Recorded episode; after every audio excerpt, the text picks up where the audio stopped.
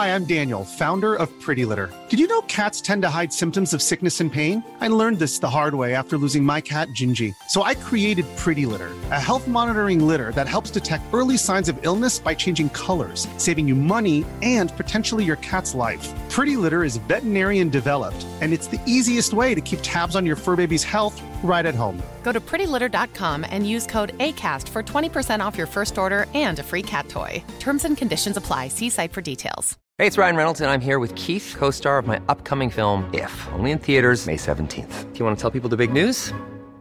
All right, I'll do it. Sign up now and you'll get unlimited for $15 a month in six months of Paramount Plus Essential Plan on us. Mintmobile.com slash switch. Upfront payment of $45 equivalent to $15 per month. Unlimited over 40 gigabytes per month. Face lower speeds. Videos at 480p. Active Mint customers by 531.24 get six months of Paramount Plus Essential Plan. Auto renews after six months. Offer ends May 31st, 2024. Separate Paramount Plus registration required. Terms and conditions apply if rated PG.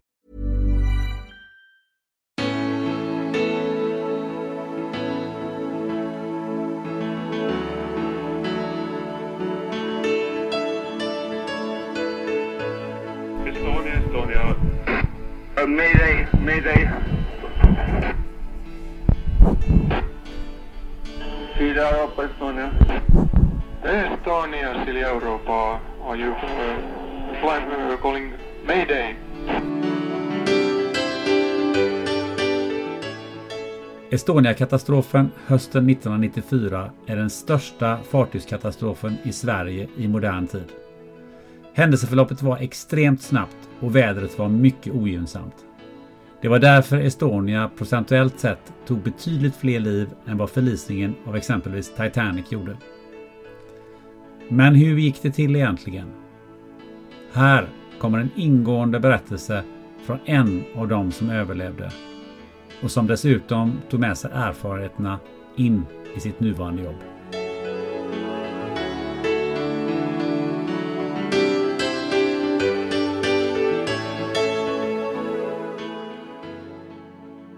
På natten den 28 september 1994 förliste färjan Estonia på sin väg eh, från Tallinn till Stockholm mitt i Östersjön. Och enligt den officiella rapporten då så fanns det 989 personer ombord varav 852 förolyckades.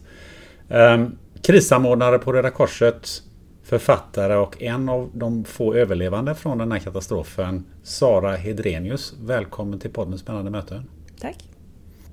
Jag brukar alltid börja med att fråga så här, hur kändes den här introduktionen? Eh, Så, Jo, så men- vad tycker du? Jo men det lät bra. Det lät bra. Ja, jag det lät, det eh, jag- missade inte Ja, något. Nej. Nej. Hur ofta pratar de där?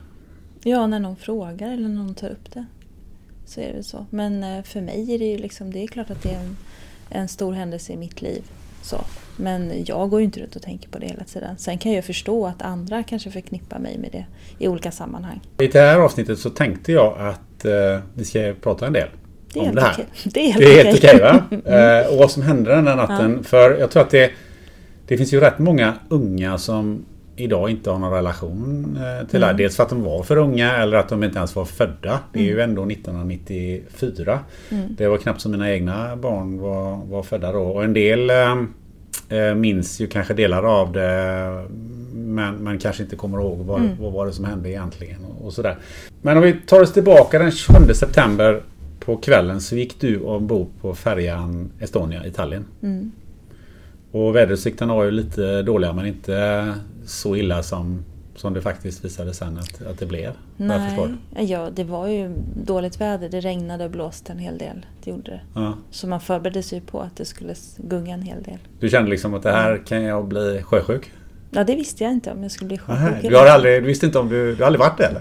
Eh, nej, Nej. inte sjösjuk. Nej. Nej. Men vem, vem var du vid det här tillfället?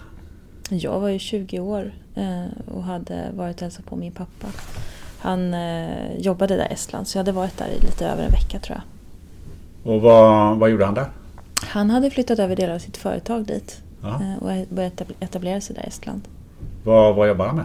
Han jobbade då inom oljeskade och oljesanering. Jaha, Mm, okej. Oljeskador. Fanns det mycket sånt i Estland? Eh, Ja, det finns det där som överallt annat. Ja, men okej. det var väl lite det som var poängen att det spelar inte stor roll om han var baserad i Stockholm eller någon annanstans därför att de är ju internationella de olyckorna som sker. Okej. Mm. Och, men hade han någon relation till Estland sådär bara? Eller var, var hamnade, hur kom det sig att han hamnade där? Nej, det vet jag faktiskt inte Nej. varför han hamnade just där. Jag tror att det var förmånligt att starta sitt företag där. Ja, just det. Och det var klart, det var ju på den tiden, det var inte så långt efter eh, muren hade Nej, fallit precis. och Estland egentligen hade blivit fritt. Ja, det var en väldigt spännande tid ska jag säga i, i det landet och den utvecklingen som man har fått följa de här åren. Det varit väldigt spännande. Ja, för det var ju 94, det var väl inte Mm. mer än 3-4 år som man hade Nej. fri från Sovjetunionen. Det var fortfarande väldigt märkt av den tiden. Och det fanns fortfarande inte varor till exempel tillgängligt i butikerna och så utan det var väldigt annorlunda. Mm. Har du varit där någonting efter? Ja, mycket. Jag är där varje år regelbundet, flera gånger om året. Flera gånger om året? Mm. Ja, vad kommer det sig? Min pappa bor där Ah. eh, och har startat upp en hästgård. Oj, vad spännande. Mm. Ja, Mm. Härligt.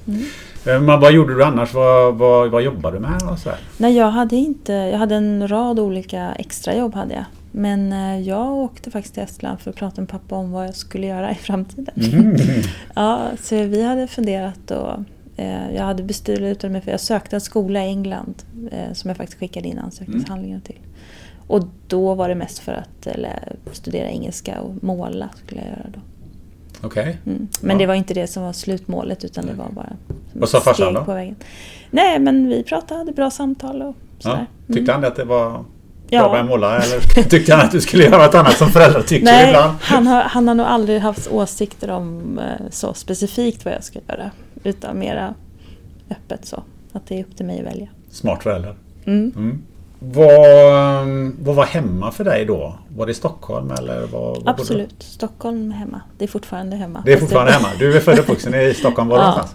Eh, Jag är eh, på Stora Essingen, Vasastan. Så det var dit du var på väg hem så att säga efter Mm. du varit och Jag hälsat på farsan? skulle jobba på ett av mina extrajobb i en, i en ridsportbutik på morgonen. Okej. Eh, skulle gå direkt upp och, och öppna upp och börja jobba i butiken. Ja. Men du jobbade inom vården också? mig till någonstans. Jo, jag jobbade på en, eh, en, som undersköterska på en eh, cancerrehabavdelning. Okej.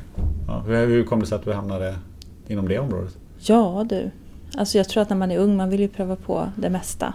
Ehm, och att jobba med människor och så är, är, är jag intresserad av, eller alltid varit. Ja. Det är klart, du hade gått ut gymnasiet i princip. Mm, precis, Ja, och precis så hade då. jag jobbat och så varit ute och rest. Okej. Så nu var det Ja, dags att börja studera tänkte jag nog. då var det dags att börja studera ja. Mm. Ehm, om vi tar oss lite framåt då. Klockan 23.55 närmare bestämt. Och då är det ju inte riktigt full storm men det är ju åt det hållet. Och det är ett eh, regnet piskar utanför och vågorna går väl 4-5 meter höga. Var, var befinner du dig då på båten? Mm, Då, vid den tidpunkten har jag gått och eh, lagt mig i en kafeteria. Så Mm. på, på däck 5 fanns det en sån. Som, jag såg den när vi reste över, pappa och jag. Att den var öppen och att det var också personer som faktiskt valde att sova där. Mm. Fick man det? Ja, eller fick och fick. Folk gjorde det i alla fall. ja. ja. Så där låg du och sov? Eh, ja, jag valde det för jag ville inte ha en hytt eh, långt ner under bildäck eller så. Utan jag tyckte att det var bättre att sova där. Var det, var det något, var det något baktanke du hade? Ja. att jag vill inte bo där nere? Eller är det för att det var, jag tänkte att det var billigare att bo i kafeterian? Ja, nej det var ju ekonomi. Jag var ju student. Man Ja. fick ju välja Ja, eh, vad man vill göra med sina pengar. Ja. Och då tyckte jag att det var i kombination då med att jag ville inte lägga pengar på en hytt under däck. Men det fanns ett litet säkerhetstänk att du inte ville bo där nere? Ja, kanske. Någonstans i bakhuvudet? Mm. Framförallt kanske att det inte känns så fräscht. Nej, just det. För fär- den färjan, jag har sett lite bilder på den. Den var väl eller, inte den fräschaste färjan som eh, fanns? Eller? Nej, kanske inte.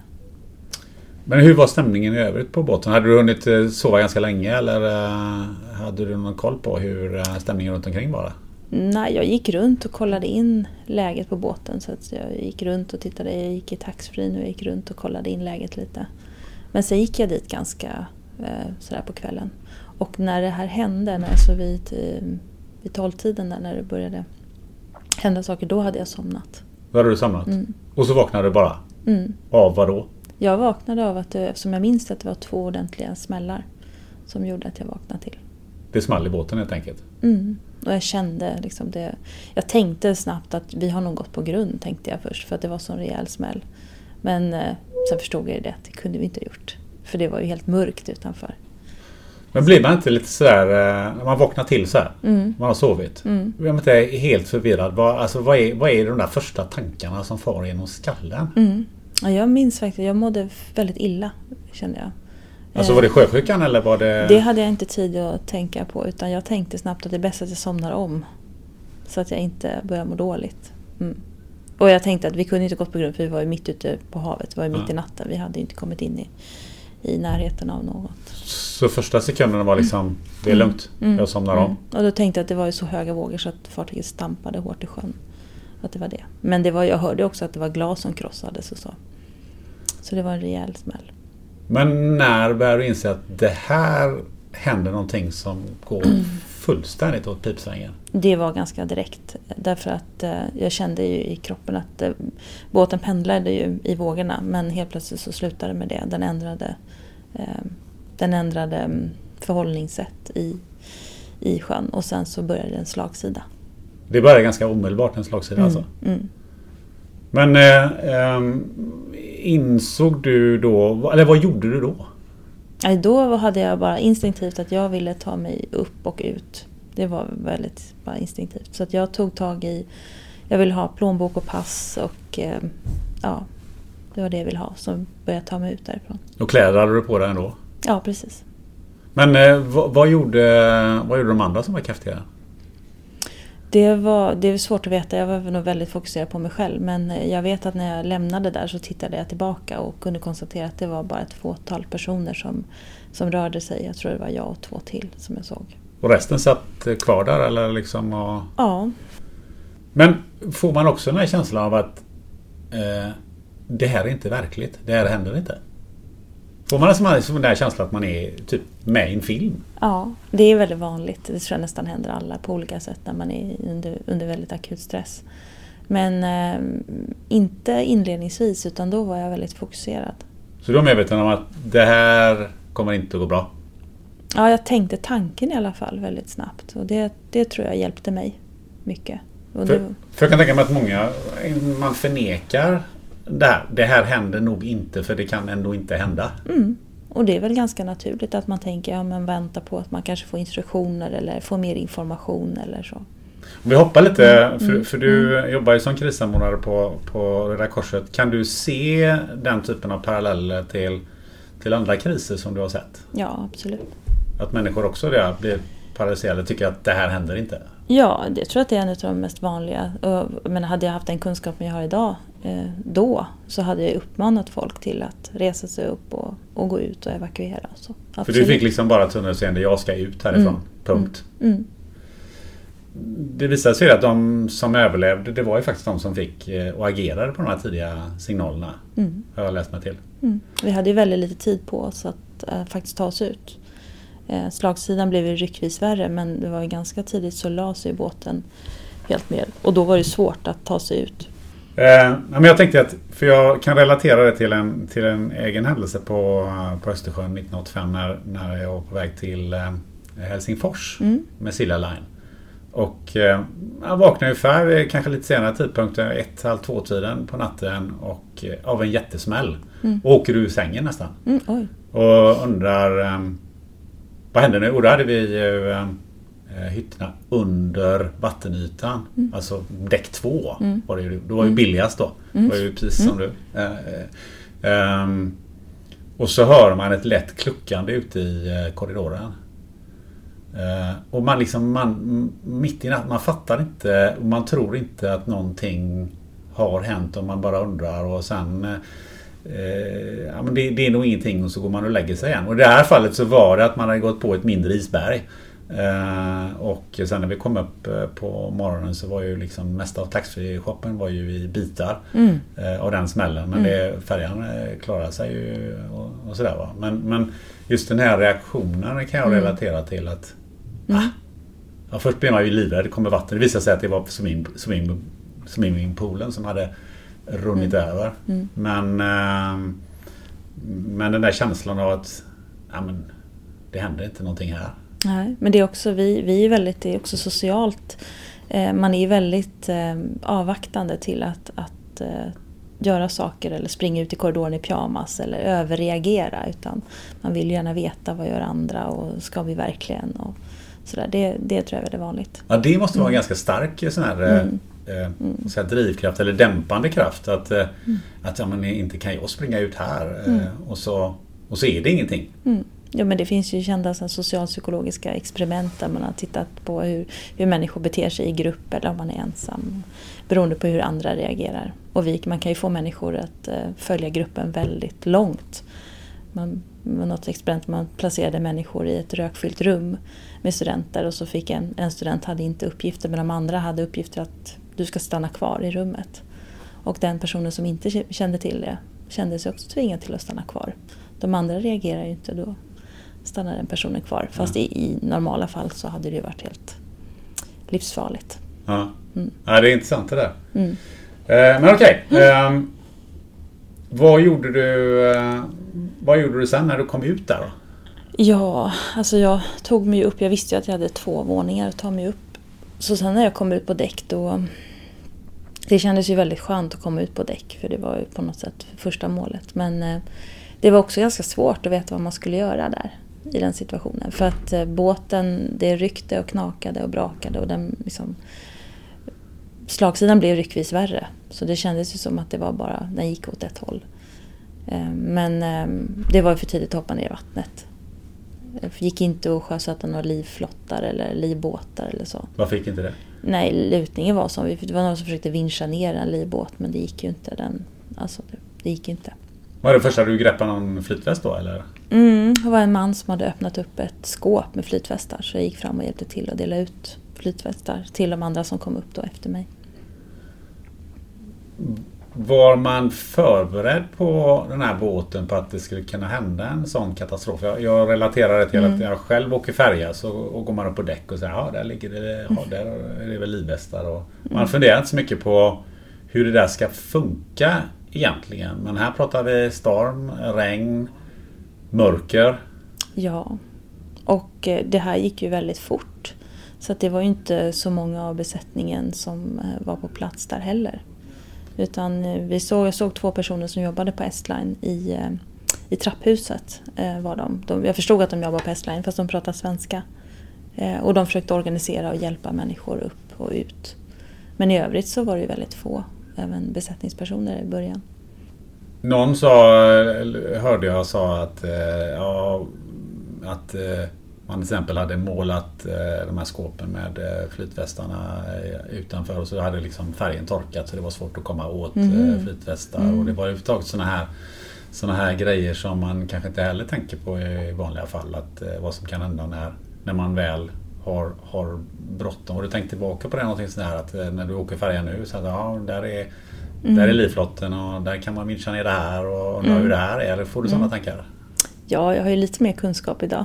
Men man fick ändå, eh, man fick ändå slängt ja. i ett gäng eh, livflottar på något sätt? Ja, alltså det var ju så att, och det var besättningsmän som, som jag tror lyckades med det. Därför att vi, jag försökte också få ner, det, fanns, det finns sådana här vita containerbehållare med mm. livflottar i.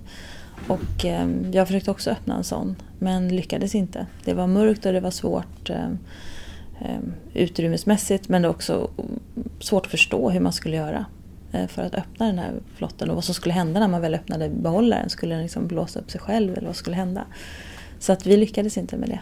Ja, för det tänker jag ibland mm. när jag går på däck där och så mm. ser man att där var vi instruktionen mm. på hur jag ska göra det här. Mm.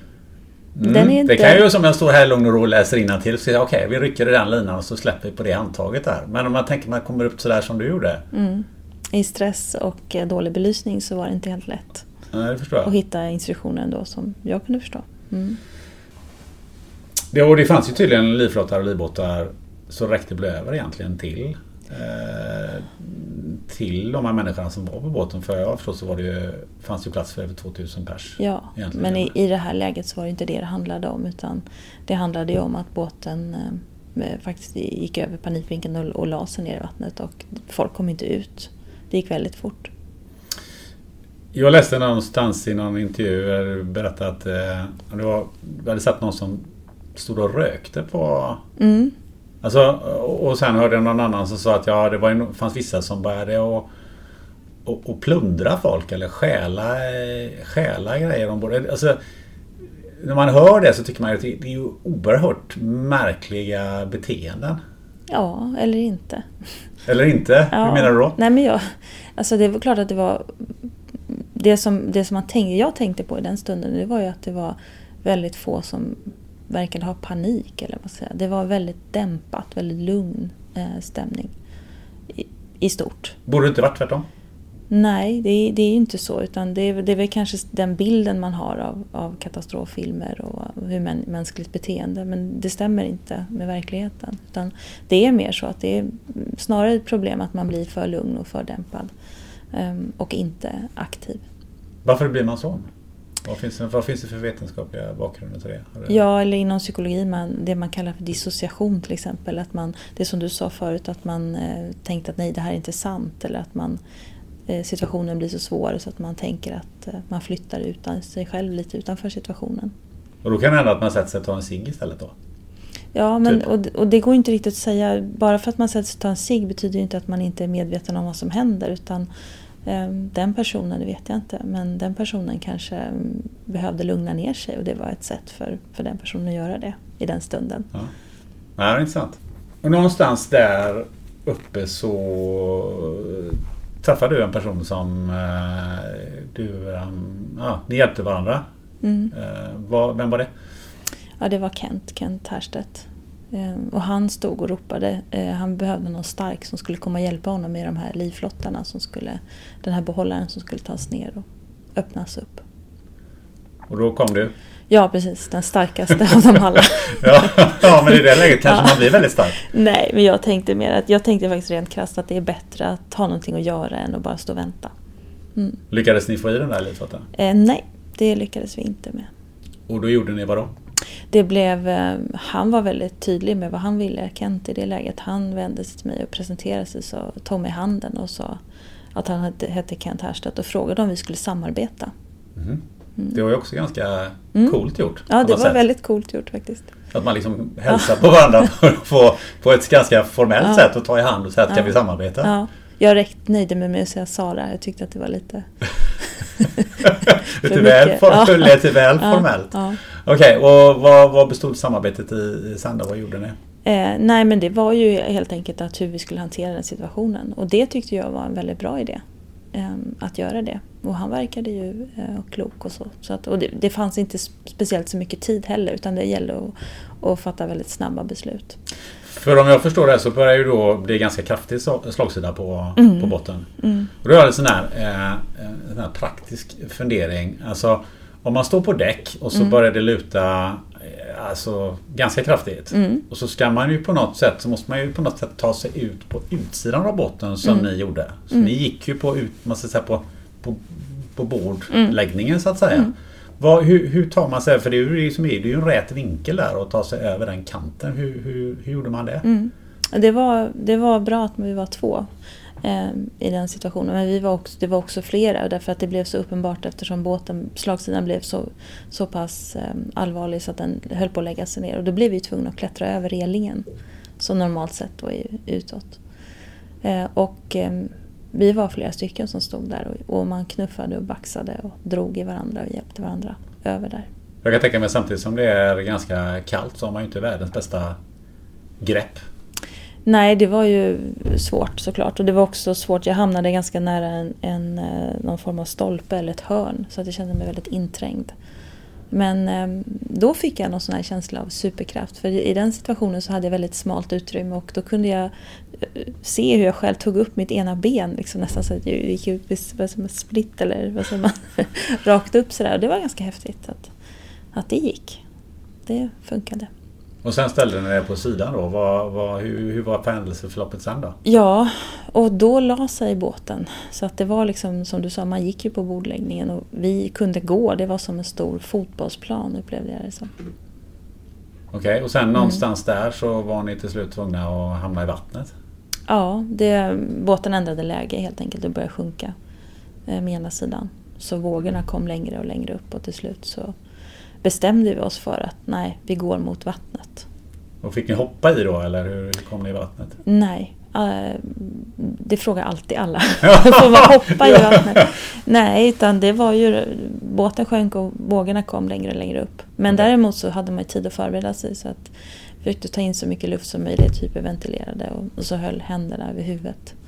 Och sen kom en vågen och drog ner, eh, ner i vattnet. Sen kom det upp ganska snabbt igen eller?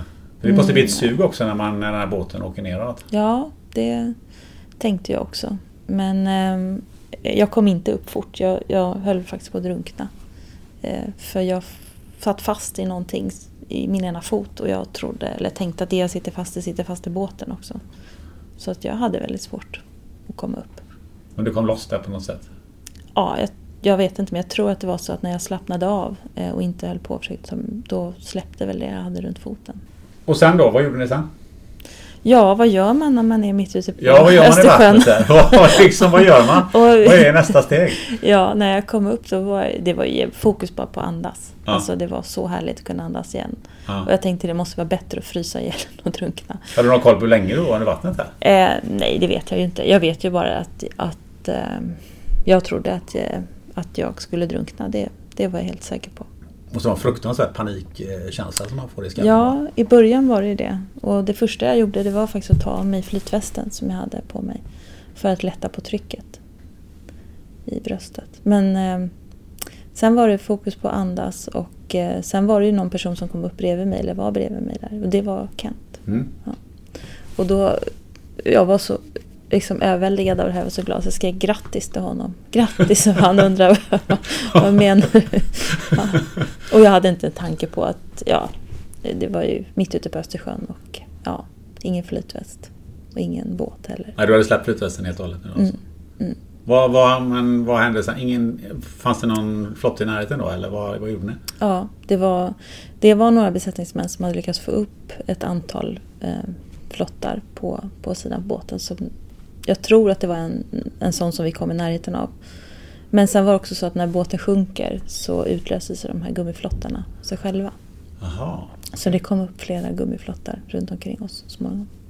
Men det måste varit väldigt tur att, den ändå var, att det fanns en flotte nära er. För man simmar ju inte speciellt länge i, det vattnet. Hur kallt kan det ha varit? Nej, precis. Så det, vi hade väldigt tur i, i det avseendet. Vad kan det ha varit? Hur kallt var det? Oh, jag vet inte om det var en nio grader kanske. 9 grader. Mm. Det är ju ingenting man badar i speciellt länge. Nej. Måste vara fruktansvärt snabbt bli, bli stel. Var det svårt att komma upp på flotten? Ja, men vi fick hjälp. eh, Både av varandra och de som var i flotten innan. Vad, hur var den? Vad var läget på den flotten? Ja, det var ju en liten gummiflotte och jag, vi räknade ut efteråt att vi var ungefär 16 personer tror vi i, i flotten. Vilket är väldigt många när man tittar på en sån eh, gummiflotte. Så att vi satt väldigt, väldigt tätt packade. Eh, men vi upptäckte också att våran, den här flotten var upp och nervänd. Vi satt liksom på golvet eh, i Okej. flotten. För vi kunde se att de andra flottarna som vi såg runt omkring hade fått upp små orangea tak. Eh, som skydd mot vinden och vattnet och så. Det var inte aktuellt att försöka vända den där flotten. Nej, det Man var, hoppar liksom inte i det var man faktiskt någon som sa något sånt men det, det, det hade ju naturligtvis inte varit någon bra idé. Det, hade inte varit någon Det är idé. svårt med kommunikation i vanliga fall att få ihop 16 personer i, i 5-6 meter höga vågor eller ännu högre. I 9 Och, gradigt eh, vatten. 9 gradigt vatten, det var mörkt och blåste. Det var ganska svårt att kommunicera. Så det var bara att sitta och uh, hålla i sig? Ja, eh, alla ville i den här flotten ville vara på kanterna därför att eh, man behövde hålla i sig. Eh, Fanns, det, fanns det någonting att hålla i sig där? Det fanns lite mm, tampar och lite saker man kunde hålla sig i kanterna. För de här vågorna sköljde de över det då i och med att den låg upp och ner också. Så det är väl inte den mest sjövärdiga Mm. flotten man kan tänka sig. Nej, det, det kändes mer som att det blev som en badring. Liksom, att det var... Mm, ja, I mitten på flotten så var det väldigt djupt med vatten och sen så blev man tvungen att hålla sig i kanterna. Ehm, För jag läste också någonstans att, att eh, ni höll så hårt i tamparna under de här eh, timmarna så att eh, läkarna eh, förklarade att, att musklerna var mer eller mindre söndersmulade efter, eh, efter det här. Mm. Hur, hur, eh, hur, hur kändes det en, sönder, hur kändes en söndersmulad muskel? Alltså hur, det låter ju ganska allvarligt.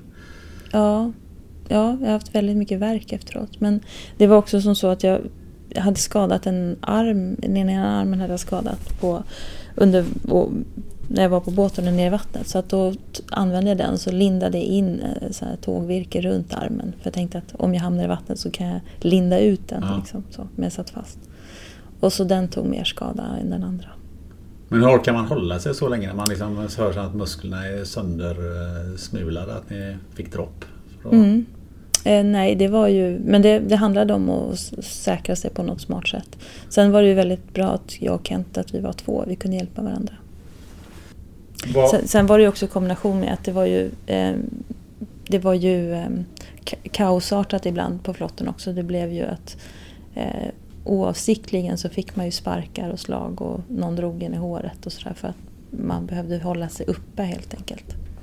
Så det var ju den biten också. För gjorde man inte det så blev man avsköljd av flotten då? Ja. Och det var de som blev av, avspolade också därför att en del vågor de sköljde över flotten. Eh, och en del vågor åkte man med upp på toppen. Så ni var 16 personer eh, från början där? Mm. Och eh, hur var stämningen? Alla bara höll i sig så mycket de kunde eller vad pratade man med varandra eller vad gjorde man? Det var svårt att prata. Vi försökte prata med några. Ehm, man kunde egentligen bara prata med de som var allra närmast. Eh, på grund av ljudnivåer och så. Sen hade vi också språkproblem. Det var ju ryska, estniska, engelska, svenska. Och, ja, det var olika språk också. När man sitter där och då, eh, reflekterar man över eh, det här, oj nu försvann en person här eller nu ehm, Eh, eh, nu var det någon som, som frös ihjäl. Så här. Mm. Hur, hur, hur reflekterar man över det i, i de lägena? Jo, men vi var ju såklart medvetna om, om vad som hände och, och pratade med varandra också om riskerna och vad det var som hände i flotten. Och vi försökte ju hjälpas åt så, så gott det gick men det var ganska begränsat vad man kunde göra. För att det, det var ju några som frös ihjäl vad jag förstod. Ja, det var det ju. Och det är svårt att veta om man frös ihjäl eller om man till slut inte orkade hålla sig uppe över vattnet. Ja. Hur var liksom er egen eh, kroppstemperatur efter några timmar där? Det måste ju ha skakat i hela kroppen. Man får det kalla vattnet över sig hela tiden. Ja, det var fruktansvärt kallt. Det gjorde ont i, i ryggen och armarna och benen och i hela kroppen. Vid något tillfälle så eh, såg jag att, att eh, Kent Härstedt sa att eh, eh, det började hagla till slut. Mm. Och att han nästan liksom garvade att eh, det Mm. kan inte bli värre än så här. Mm. Ja, men så var det. Vi fick ju ha galghumor och vi skrattade och, och sådär också åt saker. Det var ju liksom för osannolikt liksom alltihopa. Hur, hur, håller man, hur håller man humöret uppe eh, Mm. i de här sammanhangen när man, när man sitter där? Vad Mm. gör man? Ja, men det var en jätteviktig del av att orka och stå ut. Ehm, och det var ju jättebra då att vi var två och kunde prata med varandra. För på, vid något tillfälle så ville han hoppa över eh, och, och hoppa i vattnet. Ja. Och du sa till honom att eh, det, det där ska du inte göra. Nej, jag tyckte att han var jättetramsig. Men någonting jag funderar på det är Hur kunde du vara så cool under hela den här eh, tiden som, som det låter? Att, jag menar, det är ju ganska förnuftigt att säga till honom att du ska inte alls hoppa i där för då, Ja. då är det ju kört. Jo, men i viss mån var det ju också egoistiskt såklart. Eh, Det är klart att jag ville att det skulle gå bra för honom, men jag behövde ju också honom för att eh, eh, fortsätta orka. Och det är å andra sidan inte konstigt heller att han hade de funderingarna, därför att den situationen vi var i var helt fruktansvärd. Ehm, Och det så som han förklarade var att han ville vara aktiv och göra någonting, ta egna beslut. Ehm, Och det är klart att man får ju avgöra och förstå hur allvarlig situationen är. Det ser man ju olika på. Så man kan säga att du, du avvärjde ett väldigt, väldigt dåligt beslut. Ja, det, det läget gjorde jag det. Mm. Har, han, eh, har ni pratat om det någon tid efteråt? Just det. Det har vi säkert. Eh, Men sen så sen kom det ju en eh, så kom det ju räddning så småningom. Och det, vad jag förstår så kom ju de här eh, Finlands och Viking Line ganska så snabbt. Mm. Men eh, de kunde inte göra så himla mycket. Nej, men det var, för mig var det också... Dels så var det väldigt tidigt så kom det in eh, fartyg som la sig runt omkring som en ring. Eh, och det var en trygghet för då förstod man att nu alla vet om att det här har hänt och räddningen är på väg eller hjälp är på väg. Men ehm, jag förstod ju också att det skulle ta lång tid och att kanske att de här lastfartygen och de här passagerarfartygen inte var det som var vår räddning. Eh, utifrån att eh, vi kom väldigt nära en stund vid eh, Mariella-båten. Och där skrek folk i vår flotta hjälp, hjälp, nu kommer vi få... Man hoppades väldigt mycket på att man skulle få hjälp ifrån Mariella. Och jag tänkte att hjälp, det här blir livsfarligt. Att vår lilla gummiflotte studsar in i sidan på, på den här stora båten och välter helt enkelt. Och, och det blir väldigt svårt. Um, och mycket riktigt så kunde de inte hjälpa oss heller. Vi fick ju ingen hjälp ifrån Mariella. Det gick inte att fira ner någonting eller det gick inte att... Nej, inte vad jag såg då och inte vad jag förstått efteråt heller. Hur tidigt kom helikoptrarna sen då? De kom nog, det är svårt att avgöra, men de kom också, första helikoptern kom in ganska tidigt också. Um, men då hade vi funderingar i våran flotta. Våra, vi var helt svart. Den var helt svart och det var fortfarande mörkt ute. Så de hittade inte er? Ja, det, det, vi, vi var aldrig så nära helikoptern att det var aktuellt heller. Utan vi såg att den i alla fall hade kommit in en helikopter över området. Och då kunde jag dels se på de som hade trott eh, att räddningen var nära Mariella att det tog väldigt hårt. Alltså den här energin och det, det som man investerade i det.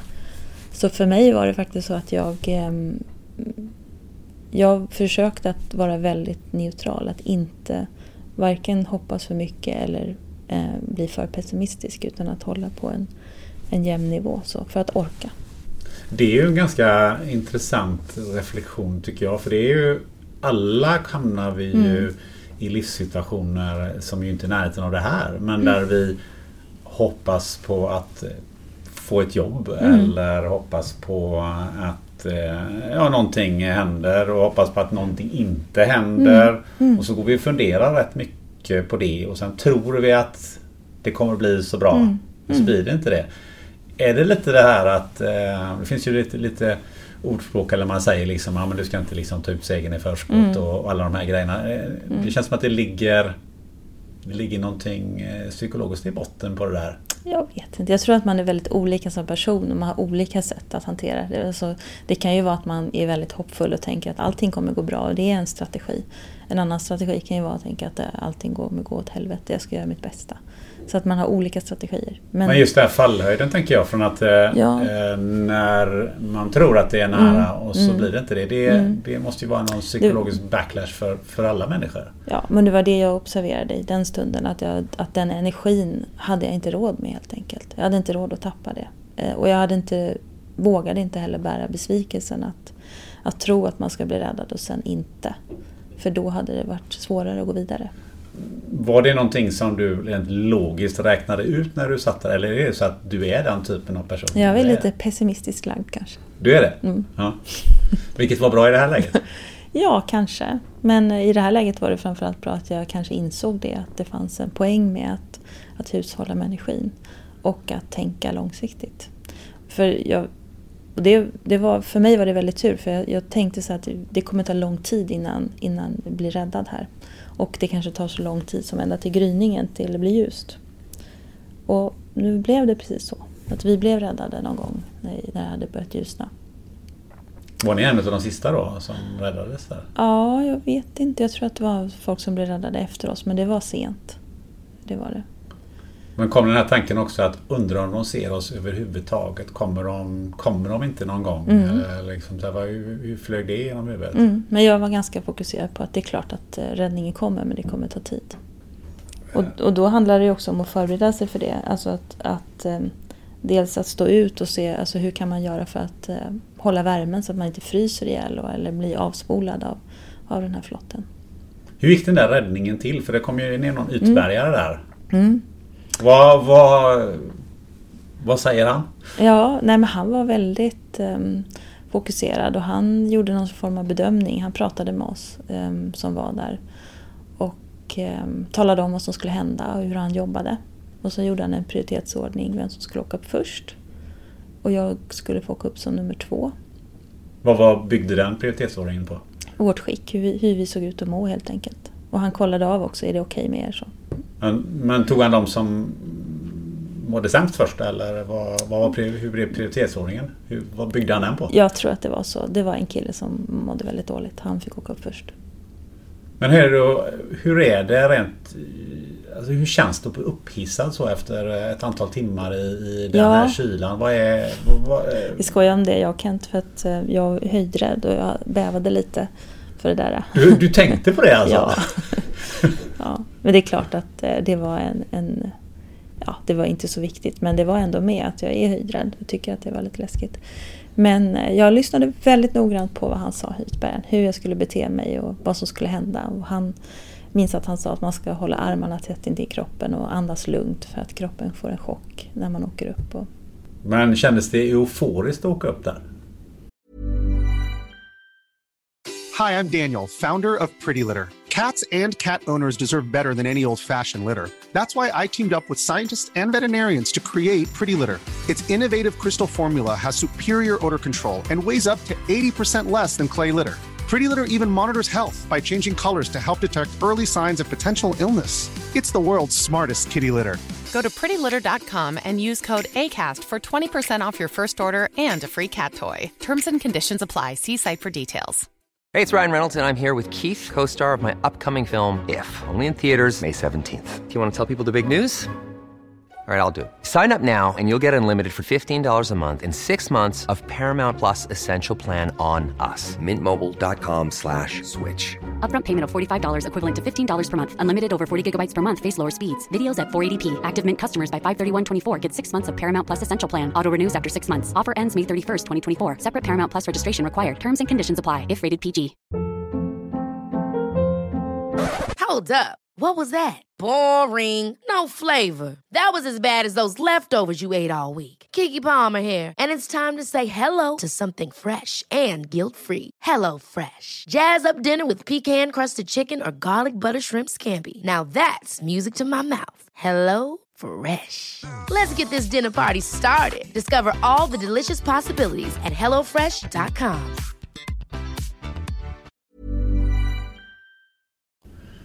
Alltså, jag förstod ju på något sätt logiskt att det här, nu kommer jag överleva, jag kommer klara det här. Och det är klart att det var en härlig känsla.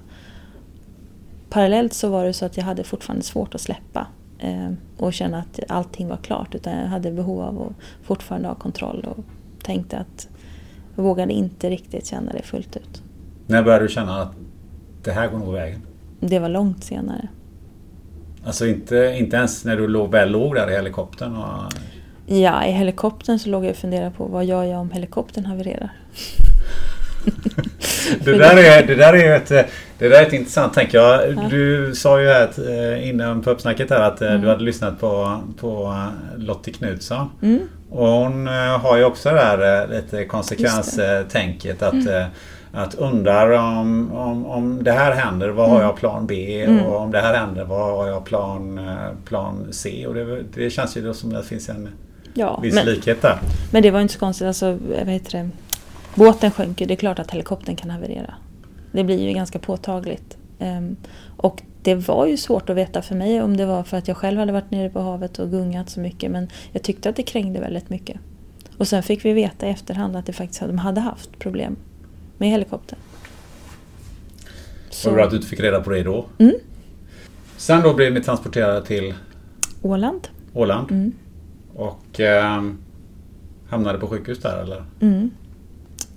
Det var fantastiskt. Eh, och, um, först fick vi åka ambulanstransport, eh, uppsamlingsplats och sen åkte vi till sjukhuset. Ehm, och blev väldigt väl omhändertagna såklart. Och så fick ni möta media. Ja, eh, inte då. Eh, utan det var morgonen efter. Morgonen efter. Mm. Men då, blev ni, då var det å andra sidan rätt många som ville ställa frågor. Ja, jag har ett minne av att jag ligger på en eh, bår också och hör något konstigt ljud som jag inte förstår vad det var. Men efterhand förstår jag att det var fotoblixtrar och sådär. Men hur kändes det att möta media efter sånt här eh, traumatisk upplevelse? Alltså, då förstod jag ju inte. Alltså, det, det tar tid innan man förstår hela vidden av vad man har varit med om. Jag förstod ju precis vad jag själv hade varit med om. Men jag förstod ju inte fullt ut effekten, eh, hur det påverkade andra och hur andra såg på det. Så jag hade ju min historia väldigt nära mig. Eh, och det är klart att jag förstod logiskt att det kan vara intresse för en sån här händelse. Jag gick förbi en TV-apparat på sjukhuset och tänkte, ja, undrar om de visar något från våran olycka. Men var det, kan det till och med kännas eh, bra att få prata om den här upplevelsen ganska så direkt efteråt? För det blir ju någon sorts att, eh, jag kan Ja. tänka mig att media ställer samma frågor om och om igen för det är nya journalister och det är nya, Mm. nya personer, nya eh, medier och de vill veta ungefär samma sak. Mm. Nej, det vet jag inte. Men däremot så var det, för mig var det så i alla fall att jag träffade, ehm, jag träffade en journalist på Åland morgonen efter. Fick en förfrågan. Diskutera diskuterade med min pappa om jag skulle göra någon intervju eller träffa honom. Då tänkte jag, varför inte? Och eh, det blev en väldigt bra eh, erfarenhet, eller blev en bra intervju tyckte jag. Tyckte det var ett bra möte. Sen träffade jag också en psykolog på, på sjukhuset som satte sig på min säng och frågade hur mår du? Och det tyckte jag var ett jättesvårt möte. För det var en jättesvår fråga att överblicka och alltså jag vågade inte säga till honom hur jag mådde. Och jag tänkte att om inte han vet det, hur ska jag veta det? Jag visste inte hur jag mådde. Det var, var svårt och lite otäckt. Och jag kunde, vågade inte säga till honom att jag satt och funderade på om det var höst eller vår ute. För då tänkte jag, då förstår ju han att jag är helt knäpp. Så, att det jag- här är sån självbevarelsedrift att han, tror, han Ja. kommer tro att jag är knäpp och då Ja. kan inte jag säga detta. Och jag funderar också, vad vill han av mig? Vad ska jag prestera i det här mötet med psykologen? Medan med journalisten så var det väldigt enkelt. Han frågade, vad var det som hände? Han ställde bättre frågor egentligen än vad psykologen gjorde då. Ja, i det läget kan man säga. Till mig blev det så. Mm. Var det någonting du tog med dig, har tagit med dig sen? Just de här att ställa frågor och... För du har ju Ja, absolut. Ja, men det, det, har, det har ju ändrats mycket också från hur det var då till hur, här, hur det är idag. Och du som sagt du överlevde den här traumatiska händelsen och eh, jag har läst i någon intervju som du gjorde i Expressen så sa du så här, jag har aldrig varit så rädd som på båten. Det var riktigt, riktig skräck. Och jag har aldrig varit så olycklig som efteråt. Å andra sidan kunde jag också känna riktigt, riktig lycka över att ha överlevt. Att gränserna sprängdes åt alla håll. Mm. Eh, Hur, hur eh, kan du beskriva det lite mer? Eller hur, hur kommer det sig att det blev att du kände det så? Ja, men det var svårt. Det var jättesvårt att hantera båda de här sidorna. Därför att direkt efteråt så var jag jättenöjd när jag kände shit, jag har klarat det här. Jag hade ju sprungit som ett maraton. Jag hade ju liksom gjort en världens insats. Och kämpat och kämpat och klarade mig. Det var ju mer ett ultralopp än ett Ja, maraton nästan. ja. ja, det gör det Utan- nog. Ja. Ja. Men det, så det är klart att och det, i det så fanns det en tillfredsställelse och det kändes härligt. Men, men på samma gång så förstod jag också att det var det var ju passagerare i min flotta där som inte hade klarat sig, som dog på natten. Och just där under själva olyckan så var det som att det var inte så konstigt i sammanhanget. Det var inte så stor skillnad på den som var död och den som levde. Men efteråt så blev det ju en avgrundsdjup skillnad. Och det var svårt eh, att ta med sig. Och det är klart att man inte kan känna någon glädje i det. Så du tänkte på, på dem samtidigt som du var extremt lycklig över din egen räddning? Det här fönstret när jag var väldigt lycklig, den var väldigt kort. Eh, sen var det faktiskt mer att det var eh, väldigt svårt och jobbigt att tänka hur ska man gå vidare. Någon har ju sagt det att eh, det man... Det är en sak att man... eh, Att det blir svårt att gå vidare för att man har haft människor runt omkring sig som har, som har dött och man känner någon sorts eh, alltså skuldkänslor.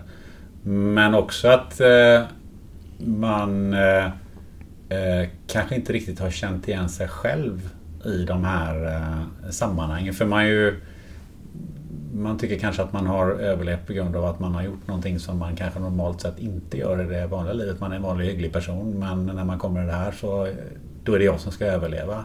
Mm. Är, är det en del i det här tror du? Mm, nu tänker jag att nu är det olika saker. För dels är den här överlevnadsskulden, som man, den kan ju komma väldigt irrationellt. Eller att man bara har en känsla av att varför, varför skulle jag klara mig när alla de andra dog?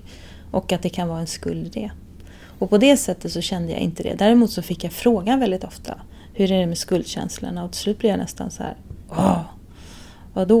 Jag blev så irriterad på det där. Å andra sidan så kan man, när jag tittar tillbaka så kunde jag ju se att det var vissa saker som var svårt för mig. Att till exempel när det var minnesstund i Storkyrkan någon vecka senare. Då ville jag vara där. Men eh, jag klarade inte av att gå dit tillsammans med mina föräldrar. För att? Det kändes för, för svårt. Att där satt alla som hade förlorat sina närstående. Så satt jag där med min familj. Det var liksom för svårt. Så på något sätt hade jag nog det där ändå. Mina föräldrar var där men de fick gå dit själva. De fick sitta någon annanstans Ja. i kyrkan? Ja. Jaha. Eh, Det här med posttraumatisk eh, stress, är det, Mm. är det en del i det eller hade du detta eller vad, vad är det för någonting? För de har jag hört talas om Ja. rätt mycket. Ja. Vad är det för någonting? Ja men posttraumatiskt stressyndrom är ju, alltså, det är ju en eh, sjuk, alltså en diagnos som man kan få eh, efter man varit med om en traumatisk händelse.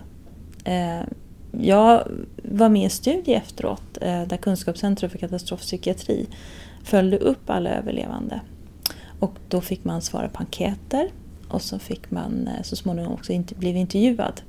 Och jag har bett att få de här äh, formulären i efterhand. Så jag kunde ju se att jag själv har skårat, äh, i alla fall, man kan inte få en diagnos så tidigt utan det måste gå minst en månad efter själva händelsen. För att de här reaktionerna som man har är väldigt normala och nästan förväntade. Men jag kunde se att jag skårade faktiskt för PTSD i, i början. Fick du någon adekvat behandling för just det? Eh, ja, vi fick... Eh, det fanns möjlighet att få hjälp, absolut. Men det var inte helt lätt att få rätt hjälp vid den tiden. Jag har haft en intervju med en kille som heter Fredrik Sträng som är bergsbestigare Mm. och som var med om en, ett trauma på eh, K2. Mm. Eh, världens näst högsta berg. Mm. Där ett antal personer eh, dog. Ehm, och han drabbades av det och berättade att eh, han i princip varje morgon eller på natten vaknade upp och mådde fruktansvärt illa och mer eller mindre kröp till toaletten och, och att detta inte det inte gick över. Han höll på med det i flera månader. Hur eh, yttrade det sig eh, för dig den här... Eh? Mm. Jag hade väldigt mycket alltså, påträngande minnesbilder kan man säga. Det var som att eh, jag gick igenom den här händelsen gång på gång på gång. Eh, och då är det, det som är specifikt, det är inte att jag väljer att tänka på det utan det bara sköljer över en. Eh, och det, kan, det var väldigt plågsamt eh, och svårt. Och påverkade naturligtvis mina alltså koncentrationssvårigheter svårigheter eller eh, alltså att eh, Ja, jag tror att det är ganska klassiskt också. också. Jag hade svårt att se på TV, Aktuellt till exempel. Därför att jag förstod att det jag såg på eh, nyhetsinslagen där, det var på riktigt. Mm. Det var människor som det hände och det gick liksom rakt in här. Hur länge höll det i sig? Det var ett par månader. Om du tittar tillbaka lite grann på man ska säga, din, din uppväxt och ditt liv innan det här hände. Finns det någonting som, säger, som kan säga att ja, men det finns vissa saker i min uppväxt eller det, i det jag varit med om innan som gjorde att jag faktiskt eh, klarade mig det här? Eller har du Mm. ställt dig den frågan någon gång? Varför klarade jag mig rent Eh, Man tänker mer på ett, på ett fysiskt eh, plan. Man kan ju Mm. kan göra det på ett andligt plan naturligtvis. Varför, Mm. varför Mm. blir jag utvald och, och klarar mig och varför gjorde de andra inte? Det, det är ju ett sätt att Mm. se på det. Men just det här rent eh, tänka tillbaka så här, men det finns någon anledning till att just jag klarar mig. Har du, har du haft några sådana funderingar? Ja, absolut. Eh, Och jag tänker att det är naturligt att man, man funderar över det. Och jag, jag, jag är helt övertygad om att det är ju, det är så man, man eh, skapar också alltså motståndskraft eller att man eh, så. Och det är klart att det finns eh, saker i min historia som underlättade eh, vilka beslut jag tog eller vilka möjligheter jag hade den, den natten. Kan du Jag- peka på några? Ja, men allra enklaste tänker jag, tänk de människor som satt på båten och inte kunde simma. Mm. Vad, vad har man då för incitament att tänka att det viktigaste är för mig att ta mig ut så att jag kan komma ner i havet? Det kanske är bättre att vänta. Alltså, bara som en sån enkel sak. Och jag simtränade väldigt mycket. Jag var, kände mig väldigt hemma i vatten. Och det tror jag att vi pratade om, jag och Kent också i flotten, att jag sa att skönt att vi är i vattnet. Jag tänkte, tänk om det hade varit en, en brandkatastrof eller någonting. Det hade varit mycket svårare. Jag känner mig ändå ganska trygg på det sättet att, att jag var i vattnet. Så det är klart att det har betydelse. Men fanns det andra saker som du kände att det var? För det var ju inte en, en, en mentalitet som du har haft för att, för, Ja. för att klara dig. Ja, men min, min pappa han jobbar med fartygskatastrofer. Jag har varit mycket ute på sjön. Och, och hade också kanske instinktivt en känsla för att det här var inte normalt och vad det var som hände. Att man kunde skilja på det snabbt. Har ju också en betydelse för hur snabbt man vågade eller kunde agera. Så, Så det var många, många olika saker tänker jag. Som all, allting man är med om är ju små pusselbitar som man lägger ihop och använder. För människor reagerar ju, som vi har varit inne på, lite olika i sådana här sammanhang. En del blir ett iskalla och, och, och börjar jobba och göra saker som är Mm. rätt. Andra blir helt paralyserade. Mm. Eller och tredje springer omkring och bara skriker eller vad det nu kan vara för någonting. Mm. Oberoende vad det är för, för Mm. typ av, av situation. Um, fanns det någonting som du har varit med om tidigare du kan säga innan dess som du kan säga så här, ja men jag, jag brukar reagera ganska coolt i de här sammanhangen. Det kan ju ha varit, ja som du säger, Men, eh, bilolyckor eller att man, man, någon annan råkar ut för Ja. någonting och du eh, det räcker ju att en del människor, någon råkar ut för någonting och ser blod. Mm. en del springer, andra plåstrar om. Absolut. Nej men jag, jag absolut. Jag är skolad av min pappa också kring säkerhetstänk. Och jag är uppvuxen i stallet där man hela tiden har ett säkerhetstänk och ska förutse situationer och hantera dem och så. Så det är klart att det hjälpte mig säkert. Men å andra sidan så kan man säga så här, visst, eh, jag kan ju titta tillbaka och jag kan lägga pusselbitar och förstå saker och sådär. Men sen hade ju det inte den avgörande betydelsen utan den avgörande betydelsen var ju att jag hade tur och var på rätt ställe på rätt sekund. Jag hade lika gärna kunnat fått en planka i huvudet. Och det fanns de som var mycket mer lämpade och mer utrustade att överleva den natten än, vad jag var, som inte klarade sig. Eh, några år senare så eh, kom ju filmen Titanic. Just det. Mm. Eh, som jag naturligtvis också har sett. Och eh, som sagt var det var ju mindre än Det var drygt tre, års, tre år efteråt som den kom. Ehm, och jag fick ju väldigt snabbt associationer med Estonia när jag såg den. Mm. För man hade ju tänkt de här tankarna eh, när den här nyheten och hela den här katastrofen eh, eh, bandades upp på, på nyhetssammanhang och så vidare. Eh, hur upplevde du den här filmen? Mm, jag, jag tyckte att det, det, var, lite- det var obehagligt också att titta. För det var ju det är scener under vattnet och sådär. där man- Men jag ehm, var ganska förberedd på det. Så jag tog väl sats också när jag tittade på den och, och det var inte så farligt. Men några år senare så eh, hade vi, eh, jag och min man och barnen, vi kom ut på vårt landställe och packade in i, vet, barnen och så satte vi oss bara satte vi på TVn och så var Titanic på. Och då började vi bara slötitta på, på den filmen och då vet jag att jag var inte förberedd. Och då kände jag hur det sög tag i magen och jag mådde illa och jag fick lite reaktioner. Ehm, Vad gjorde du då? Gick du ut eller stängde ni av? Eller? Nej, man fick bara lugna ner sig. Och jag tittade färdigt på filmen. Innan vi kommer in på hur du gick vidare. Man har ju haft en del disk- diskussioner kring, eh, kring vraket Mm. och hanteringen av det. Mm. Eh, Det ligger ju kvar på havsbotten. Ja, framförallt så ligger ju alla människor. Och alla människor och, Mm. och allting annat. Eh, Mm. ehm, Och det har ju varit, var en ganska eh, hets, häftig debatt. Mm. Först ville man lyfta fartyget och sen så bestämde man sig för att inte göra det. Mm. Hur, hur reagerade du på det? Nej, för mig var det en mycket märklig alltså, situation. Eh, Och jag tänkte inledningsvis att det där måste ju vara en fråga mellan beslutsfattare och de anhöriga. Såklart. Det tyckte jag var självklart. Men sen förstod jag att det var inte självklart. Och det blev en väldigt konstig debatt. Eh, jättemärkligt. Man tillsatte ett etiskt råd eh, som skulle då fatta eller ge rekommendationer kring hur man skulle hantera den här händelsen. Om, om man skulle göra en bärgning där man bärgade kropparna eller om man inte skulle göra det. Och man landade så småningom i beslutet att man inte skulle bärga kropparna.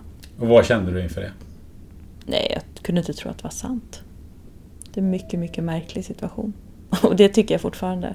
Jag tänker mitt arbete idag, jag menar de allra mest resurssvaga länderna, de gör det mesta man kan för att ta hem sina döda när det har hänt olyckor och katastrofer eller konflikter. Så är det en naturlig reaktion att man vill ta hem, hem sina döda.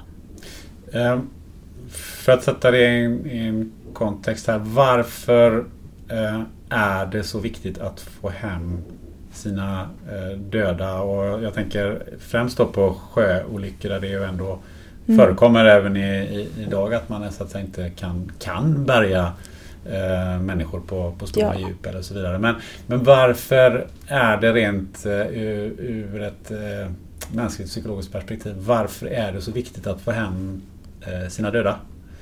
Ja men det är på något sätt att avsluta och att få, få göra den här graven eller att göra sista omvårdnaden av, av de man har, håller av. Och jag vet föräldrar till exempel vars barn eh, dog i, i olyckan. För dem är det en väldigt naturlig och stark instinkt att man absolut vill ta hem och liksom göra det sista. Det tror jag är ganska enkelt att förstå. Eh, sen är det ju såklart, det behöver inte vara det enda sättet. Eh, det finns ju tider och, och, platser och situationer där man inte kan göra det.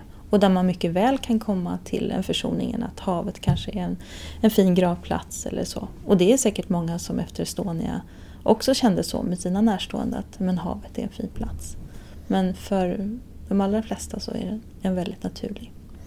Du säger här att eh, det är många länder som har betydligt mindre resurser än Sverige som gör allt för att ta hem mm. sina döda. Varför gör inte vi det som, som svenskar? Är vi annorlunda här eller finns det någon annan eh, orsak tror du?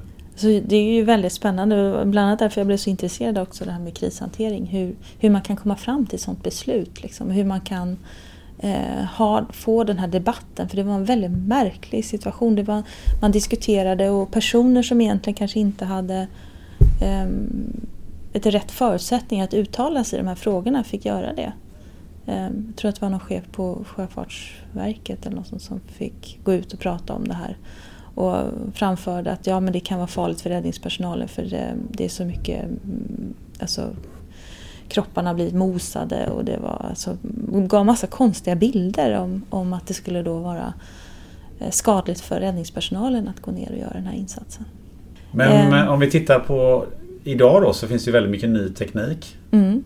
Och det är enklare att komma dit ner och det är också enklare eller på ett säkrare sätt att, att lyfta skulle kunna vara möjligt att lyfta Estonia. Vad, vad anser du om det? Om man men, skulle komma fram till att säga att men vi plockar upp båten nu. Ja, det kanske man kommer göra i framtiden, det vet jag inte. Det finns ju, det finns ju de som framför också att man vill eh, verkligen säkerställa att den utredningen om orsaken till haveriet verkligen stämmer. Och så också. Men, men jag, jag tänker att... Ja, jag tappade, det var någonting som, som du sa innan. Men jag funderar på, är det, är det, eh, vore det bra att göra det nu? För jag tänker jo, att det förlåt, river ju upp förlåt. rätt mycket. Kom, det, det, här med tekniken. Jag vill bara som, att man inte tänker att det var ju fullt tekniskt möjligt då att ta upp kroppar. Um, och jag fick möjlighet att träffa ett av de företagen som hade fått eh, den uppgiften och hade förberett sig.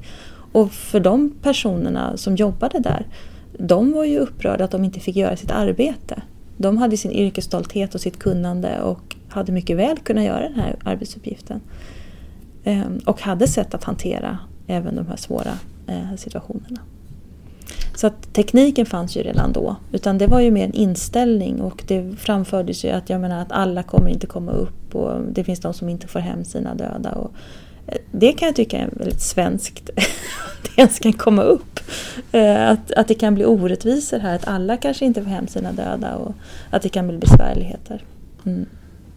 Eh, du nämnde här kort orsaken till det här och man har väl, eh, man ska säga att det är från ett, ett allmänt perspektiv så har man ju kommit fram till att det var bogvisiret som, som lossnade och sen så mm. blev det en ganska snabb, snabb följd där att att båten, eh, att det kom in vatten på bildäck och att eh, båten därav eh, kantrade väldigt snabbt. Ehm, är det, är det någonting du har funderat på eller har du gått vidare och sagt att ja, men det var bogvisiret som lossnade och sen är det bra med det? Eller har du någon reflektion kring det? Alltså det finns ju många som inte är helt tillfreds med de utredningarna som har gjorts. Och man har fört fram olika eh, saker kring det. Jag valde ganska tidigt att inte gå in i och bli för engagerad i de frågorna. Utan eh, nej, det har inte, jag har inte känt att det har varit eh, Eh, mitt fokus eller där jag har lagt min energi utan jag har ju lagt min energi på mitt område istället med krishanteringen och, och beredskapen. Men är inte det väldigt vanligt att eh, människor som varit med om en sån här sak är väldigt intresserade av att veta varför händer jo, det? Absolut. För det kan jag tänka mig att du har upplevt i, i ditt jobbar du också. Varför hände detta? Ja. Vad var orsaken? Ja, Och absolut. Och det är en, också en mänsklig instinkt. Man vill veta varför. Man behöver också få någon form av upprättelse eller, eller ursäkt eller om det har begåtts ett brott eller något sånt där. Det är en viktig del av liksom, återhämtningen. Men du kände att du kunde lägga undan det där utan att Jag, känn, på och gräva i? ja, jag, jag valde det aktivt. Att eh, Jag hade inte energi att gå in i allt detta. Eh, och valde bort det. Och sen valde du att göra massa andra saker eh, efteråt. För det, det Mm. var ju mycket surr om, om det här och det var media och media och media. Och någonstans så kände du väl att kanske att eh, nu får jag göra något annat. Nu får jag ta mig härifrån. Eller Ja. du var ute och reste sen. Ja, jag åkte till Spanien och pluggade ett år efteråt ungefär. Och det var skönt att komma ifrån Sverige. För det var för min egen del att jag hade ju väldigt mycket, jag hade ju fokus och- på olyckan. Så för mig var det jätteskönt att komma iväg och byta miljö och pröva något annat. Som konkurrerade ut det, det här tankarna på olyckan och det. Vad gjorde du sen? Vad, vad, hur formade du ditt liv eh, till där du faktiskt är idag? Vad, vad gjorde du för någonting? Ja, men jag, eh, jag var där i Spanien under ett års tid och pluggade och sådär och eh, återhämtade mig. Eh, och sen blev jag mm, intresserad av att när jag skulle studera så var det naturligt att jag valde psykologi. Och just den... På grund av detta som hade hänt? Ja. Eh, och det var min man som sa till mig, du får sluta, det är psykologi du är intresserad av. Ja. Alltså Ja, det visste du inte själv? ja, men- hur, hur, hur ja. upptäckte han det? Ja, nej men det var väl utifrån hur han kände mig. Men att, jag, och också att när jag väl började så förstod jag att det var inte att jag ville ha en psykologexamen. Jag ville inte jobba med psykisk ohälsa på det sättet. Utan jag var specifikt intresserad av just den här biten med, med krisstödet som man säger. Alltså det som, när man har varit med om svåra händelser, hur man återhämtar sig. Så det var eh, ett sätt för dig också, för din egen del att eh, återhämta dig eller, eller komma vidare, just att studera detta? Nej, alltså det, det hade ju inte varit eh, driv nog. Ehm, utan det är klart att det fanns delar av det som var, det var intressant att förstå, både mig själv och andra, när jag studerade. Men det var inte det som var fokus, utan fokus var ju att eh, både för hur individer och hur samhällen hanterar svåra händelser.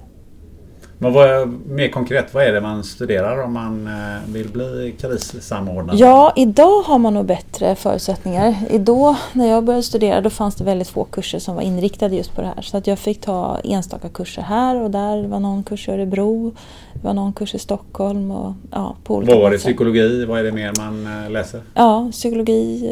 eh, Det fanns någon inriktad kurs som hette just socialpsykologi tror jag vid svåra händelser eller så som jag, som jag tog. Det fanns olika inriktningar så man fick knåpa ihop det själv. Och sen nu på senare tid så har jag fördjupat mig inom eh, det som heter psykotraumatologi som handlar just om eh, specifikt om det. Om psykologin och om, om trauma. Men om man vill utbilda sig idag, hur gör man då? Idag? Ja, om man det- vill bli, säg att du, man vill nå, man vill, man vill jobba med det du gör. Finns det andra utbildningar Ja, idag än vad som fanns Det då? finns jättemånga olika vägar. Man kan vara beteendevetare och så kan man fördjupa sig inom området. Eller man kan vara psykolog och jobba med, inom området. Eller det finns personer som har gjort med den sjukvården, så sjuksköterskor med fördjupningsutbildningar eller terapiutbildningar. Eller, det finns jättemånga olika vägar att gå. Eh, Och idag så jobbar du på Röda Korset som Mm. Eh, krissamordnare. Hur länge har du jobbat här? Länge. Länge? ja.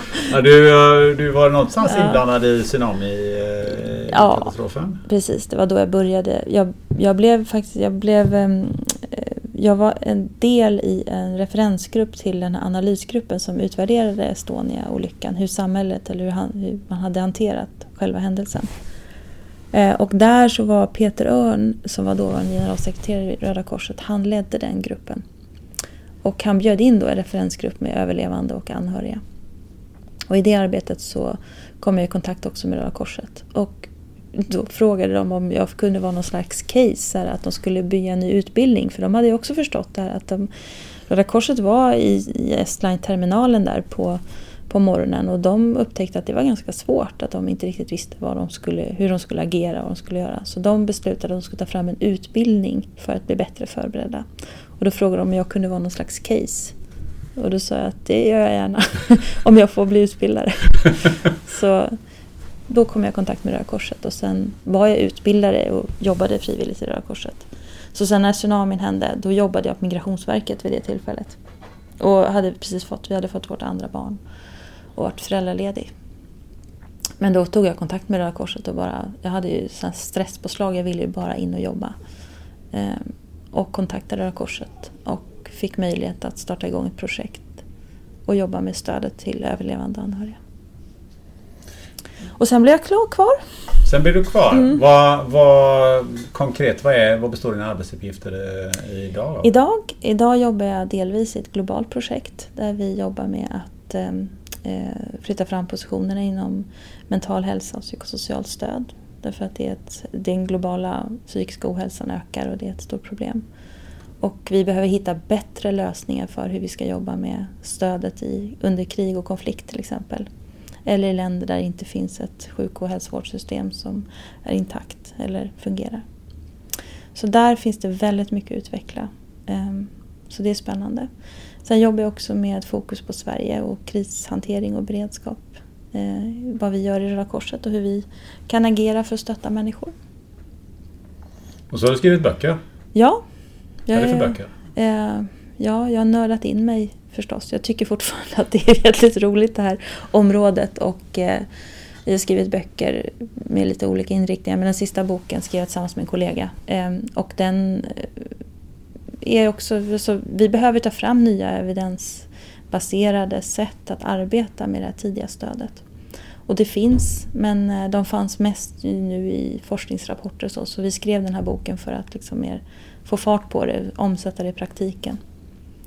Och det har den har faktiskt eh, fått bra spridning den boken.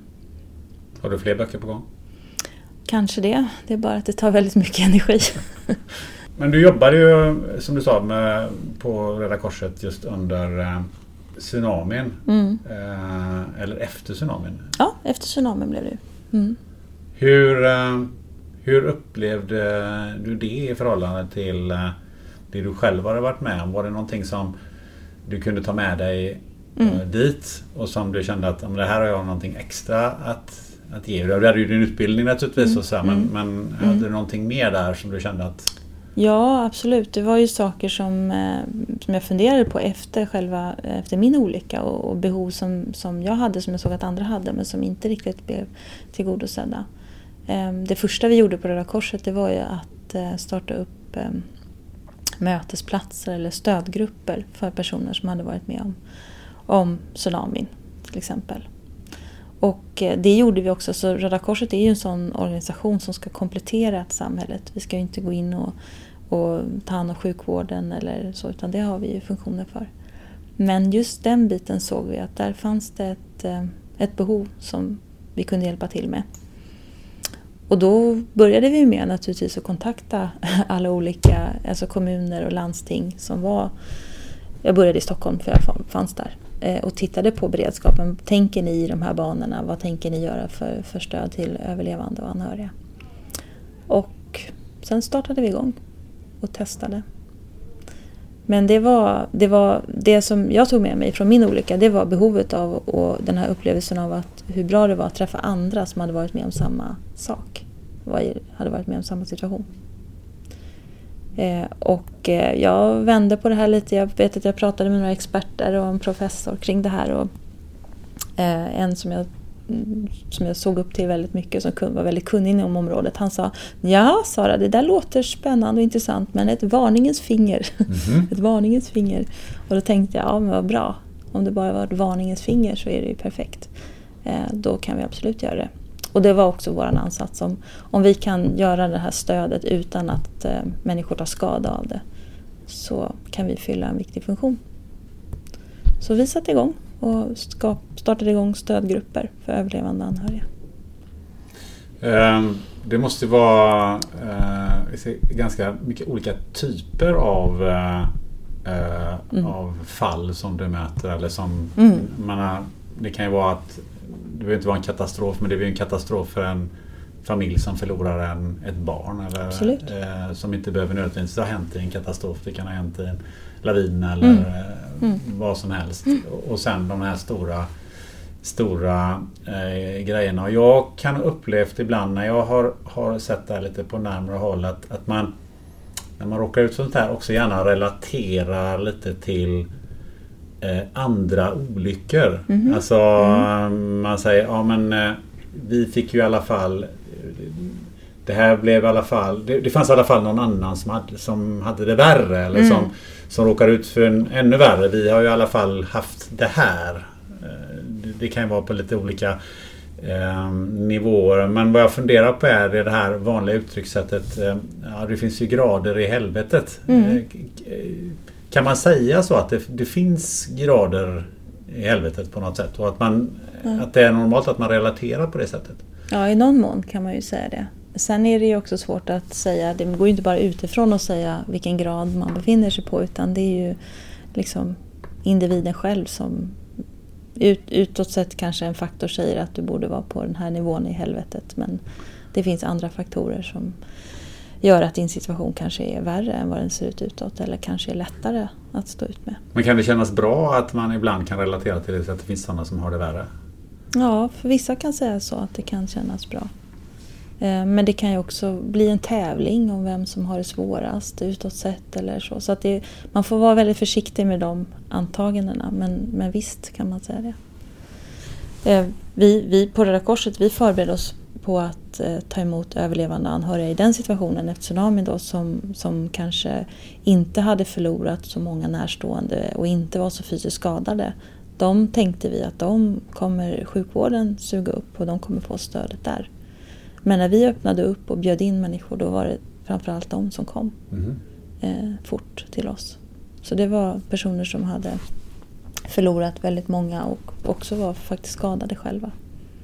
Man tänker på det här med katastrofer och, ehm, och den här typen av, av större händelser. Finns det någonting man kan göra för att, jag säga, förbereda sig på, på något sätt på individnivå eller på organisationsnivå? Vara någonstans medveten och, och förberedd. Kan man göra någonting där och, och eh, vad i så fall? Ja, alltså bara att leva eh, innebär ju en viss förberedelse.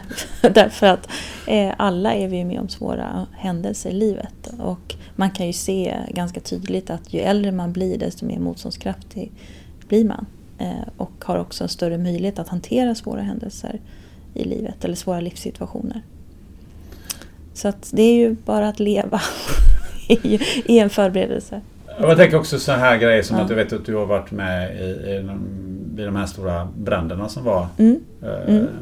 förra året. Och, och det finns ju ändå vissa saker man kan göra för att förbereda sig på att det kan hända någonting. Mm. Och det kan ju vara elavbrott som är väldigt långa. Och så Mm. det behöver inte innebära just de här totala katastroferna som, som vi pratar Estonia och, Mm. och, och, och tsunamin. Eh, tycker du att vi är förberedda i det här samhället för, för att det kan hända grejer? Nej, vi är väl inte, om man generaliserar så är vi väl inte jättevana eh, vid det.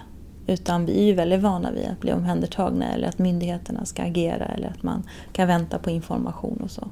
Det tycker jag är en jättestor lärdom när vi har jobbat mycket med eh, eh, migrationsrelaterade frågor och nyanlända som vi möter i Röda Korsets arbete.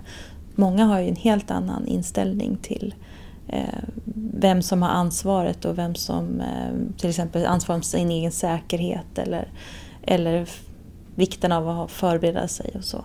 Hur skiljer det sig? Ja, men att man kanske kommer från en kontext eller länder där man har levt i konfliktområden där man vet att det är jag som är ansvarig för mig och min familjs säkerhet till exempel. Eller det är jag som måste se till att vi har mat och man måste planera och ha en helt annan tanke kring det. Och ehm, där kan man ju se istället se att de måste kanske vända på det och tänka om och säga att vi behöver inte lagra mat hemma utan vi kan lita på att vi kan gå till affären och handla. Eller att det är inte farligt om min dotter kommer fem minuter för sent därför att eh, här är inte riskerna så stora. Så att eh, jag tänker att det kan vara intressant att eh, reflektera över det perspektivet. En annan reflektion man kan Mm. göra som jag hörde att just när det gäller Estonia att det var de som var från Sverige som fick det jobbigast i, i efterhand och de som klarade sig bäst var de som var från Estland. Jaha, berätta mer. Ja, Nej, men då det, det satte man i, den, eh, i, i det sammanhanget att eh, eh, Estland som vi var inne på eh, tidigare här har varit ockuperat under Mm. 40-50 år. Mm. Ehm, och man var van vid att leva under någon sorts eh, stress och, och hot. Mm. Och, och i Finland så hade man ju Även om det var ett tag sedan så var det ändå så att man hade Man var uppvuxen med det här finska vinterkriget Mm, och, och, mm. och den historien som Mm. man hade med sig. Men vi i Sverige vi, vi har ju inte haft krig på över 200 år. Och, Mm. och jag har faktiskt ställt den frågan till både IT-säkerhetsexperter Mm. och Mm. till Lotte Knutsson och så vidare. Mm. Och alla um, höjer lite lätt på ögonbrynen först men sen så ser jag att ja, men det kanske finns en historiskt betingad eh, Mm. Någonting historiskt betingat i, i Sverige. Att, vi, att vi känner oss oerhört säkra på att här händer det ingenting. Mm, absolut. Jo men så är det. Det ligger mycket i den, i den aspekten säkert. Å andra sidan kan man tänka, okej, hur bra... Vissa delar kanske man är, är bra på men andra delar kanske man inte är så bra på. Hur mycket utrymme får, får, får det ta till exempel? Eller hur, hur kan man uttrycka känslor och hur kan man eh, få möjlighet att eh, få tid att återhämta sig? Och det finns massa olika aspekter som eh, det kanske utåt sett ser ut som att man klarar det bra och går vidare men om man skrapar på ytan, hur ser det ut då? Så kan det vara. Mm. Du, vi ska ju avrunda här eh, snart. eh, Men eh, eh, om det... Har vi suttit riktigt länge? Mm. Eh, Men om det är någon som lyssnar som har varit med om något svårt och som eh, kanske inte riktigt vet vart ska jag vända mig, vad, vad ska jag göra? Har du några sådana här tips i, i allmänhet? Eh, hur, hur ska man... Eh, var kan man få hjälp någonstans? Ja, det, det viktigaste som man måste absolut förmedla är att det finns hjälp att få. Alltså har man varit med om en svår händelse och man känner att man har eh, problem relaterat till det, att man inte återhämtar sig eller att man fortfarande lägger ner väldigt mycket tid eller att det begränsar en på något sätt. Då ska man absolut gå och få hjälp. Och det, det första man gör det är att man går till sin vårdcentral helt enkelt. Och, och berättar och beskriver om det här och ber att få vägledning om vilken typ av hjälp som finns att få. Och ibland kan det vara svårt att komma in i eh, eh, Mm. sjukvården. Mm. Eh, Men jag behöver hjälp nu fast det sitter någon annan och bedömer att ja fast just nu är det fullt här eller just nu Mm. kan vi inte ta emot det. Vad, vad kan man göra då? Det finns massa olika sätt att man kan... Dels så finns det ju beroende på vad man har varit med om och vilka behov man har. Men det är många som känner behov av att träffa andra som har varit med om liknande. Man kan få jättemycket information eller man kan träffa andra via olika patient eller anhörigorganisationer som man kan söka via. Till exempel. Ehm, Man kan i viss mån också få stöd av Röda Korset eller BRIS eller Rädda Barnen beroende på vad som har hänt. Så man kan kontakta Röda Korset? Ja, det beror lite på eh, vad, det, vad som har hänt och vi ser ju olika ut vår verksamhet på olika platser i landet. Eh, Jag tycker det har varit fantastiskt att prata med, med dig här. Jag tänkte fråga dig, hur tycker du det har varit att sitta här och köta med mig? Jo, men det är alltid det är roligt att få prata om sig själv och sin historia. Vem tycker inte om det? men eh, det har varit intressant. Trevligt. Eh, Om du skulle få välja gäst i den här podden, Oops, ja. vem skulle det kunna vara? Vem det skulle kunna vara. Och det finns jättemånga intressanta. Alltså, det är egentligen svårt att formulera, men det skulle vara intressant att, alltså, om man pratar om krishantering och så, eh, efter svåra händelser så är de väldigt avgränsade. Men som du var inne på, att, att Sverige, att vi kanske är naiva eller att vi inte har en historia. Och jag tänker att det som vi ser nu i, i länder runt om i världen när det är krig och konflikt, då är det ju inte krig mellan länder utan det börjar ju med inbördes eh, problem där man sätter grupper mot grupper. Ehm, och det händer delvis i vårt land också. Och det skulle vara intressant någon som forskar på det och som kan titta framåt. Hur, skulle, hur, hur kan vi svenskar hålla ihop vårt samhälle? Ehm, och hur, hur motståndskraftiga är vi i det perspektivet? Att kunna hantera att vi tycker olika om saker och ting utan att det ska uppstå en konflikt. Oerhört intressant. Det var bara en tanke. Har du, jättebra tanke. Har Ja. du någon som helst tips vem, Nej. vem det skulle kunna vara? Nej. Eller var man ska leta upp en sån person någonstans? Nej, du får, det är väl det jag är sugen på att du, att du tar. Det, du menar du, du lämnar över det här en uppgift till mig? Mm. Helt enkelt. Mm, det Leta spännande. reda på den här. eh, Jag tycker det låter Någon som har forskat lite och tittat på hur, hur, liksom, hur starka är vi? Vad är det som håller ihop oss? Slutligen om man... Eh, eh, Eller förlåt mig, men Ja. det finns ju massvis. Sen finns det ju personer som jag tycker är jätteintressanta i, inom mitt eh, område också. Jag menar Åsa Molde till exempel som har varit en, en kirurg som har varit ute och jobbat runt om i hela världen ehm, i krig och konflikt. Åsa Molde. Åsa Molde till exempel. Det finns jättemånga personer. Det låter väldigt spännande. Hon, Det är, det, vi hon har ett, eh, ett händelserikt eh, och intressant liv skulle jag säga. Vi har ett Mm. batteri av Mm, uppslag mm. här. Ja, ja, det finns massa. Om man eh, vill ha tag på dig på något sätt eller följa dig eller har frågor eller något sånt. Kan man göra det på något sätt? Eller? Nej, man kan alltid kontakta mig via, via Röda Korset. Alltså Via med Röda mitt arbete. Ja. Men jag har inte någon eh, jättestort konto någonstans eller pratar utan jag gör mitt arbete. Mm. Låter ju väldigt bra. Sara Hedrenius, eh, Mm. ett stort, stort tack att du ville vara med i podden. Tack. Efter den här intervjun så har jag reflekterat flera gånger och undrat hur jag skulle ha reagerat. Skulle jag ha överlevt under de här förutsättningarna? Hade jag hållit mig så kall och inte slösat energi på hopp och besvikelse?